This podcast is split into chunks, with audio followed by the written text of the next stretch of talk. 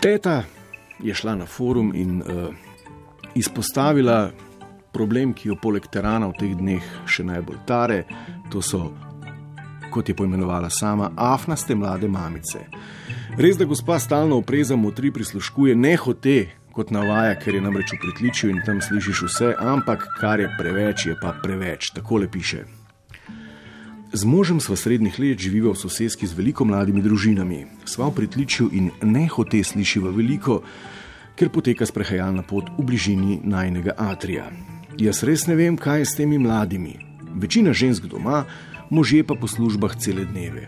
Večina pogovorov teče samo o tem, kako je tradicionalna hrana slaba, kako je treba jesti bio, organsko, eko kako so oblači, oblačila škodljiva, ker so barvana s tropenimi barvami, kako je treba jesti prehranska dopolnila, če ne umreš pri 50 ali dobiš demenco pri 40.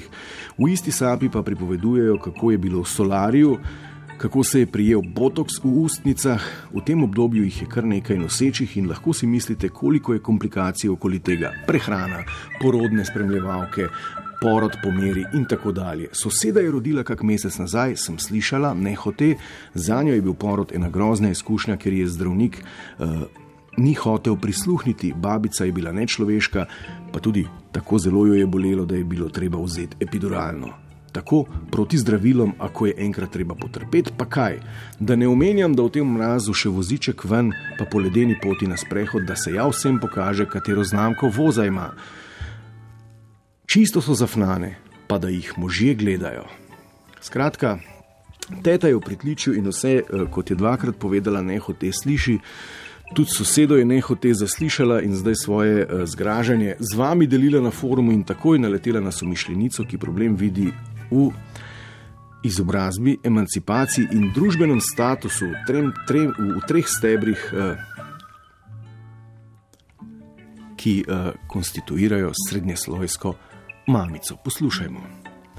Se kar strinjam s tabo, večina izmed njih je s fakultetno izobrazbo, take so še najbolj usekane in izobražene o bio-ekohrani, kokosovem sladkorju in takih stvareh. Čisto res je, kar si napisala, le kako jih možje gledajo. Oni to poslušajo vsak dan, malo poslušajo, malo ne, saj imajo še druge stvari v glavi. Glej, tako pač je. Tudi v mojih časih se ni hodilo z vozički v lokale, zdaj pa je to že najmanj desetletna moda in nič posebnega. Stvari se spreminjajo, tako je bilo in tako bo. Vsaka generacija prinese nekaj novega.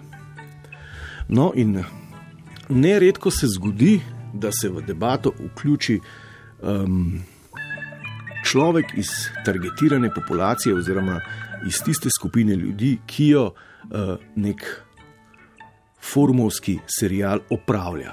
No, in oglasila se je mlada mamica iz bloka, ki pripada omenjeni grupaciji. Sem mlada mama iz bloka, v njem je več mladih družin in mladih mam. Botoksa nima nobena. Ena ima poblajhane lase na blond, druga na rdečo, ena ima redno nalakirane nohte, druga pa občasne. Občasno, ena se oblači res luksuzno, vedno zrihtana v nulo, ampak zelo prijazna. Ena se oblači zelo modno, ampak mladostno, ima prav tak samo svoj stil, da se vidi, da je oblačenje veliko pomeni. Vsi se pozdravljamo, rečemo kakšno besedo, si pridržimo vrata večina žensk dela, tako da to ni res. Nekaj tudi od doma, mogoče ti to vidiš skozi so doma, medtem ko možje delajo celo dneve. Nekaj jih je, veš, tudi na porodniški. Povprečen standard družin v našem bloku je precej visok, stanovanja so namreč nova in niso ravno poceni. Zraven pa še parkirišče v garaži, dobra lokacija, tudi avtomobili so večinoma dobri, sploh ker za družino rabiš malo bolj varnega in večjega. Večina ima po dva avta, eni še motor, drugi avtodom, boljša kolesa, ampak preseravamo se resne.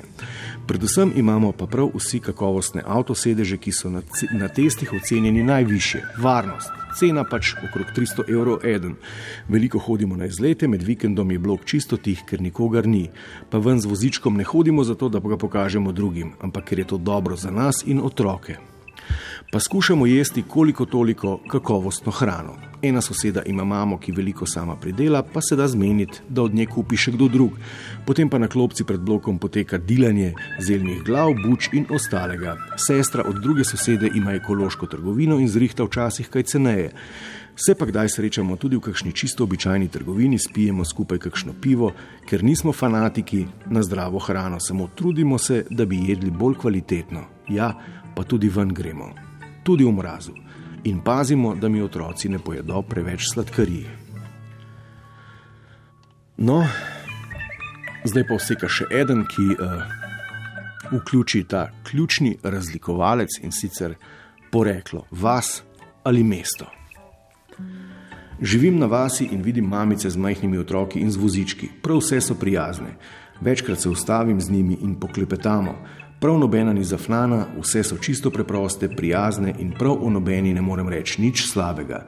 Nobena ne filozofira o hrani in zdravilih, skuhajo pač tisto, kar imajo na razpolago in to je to. Ne vem, morda so pri nas ljudje drugačni.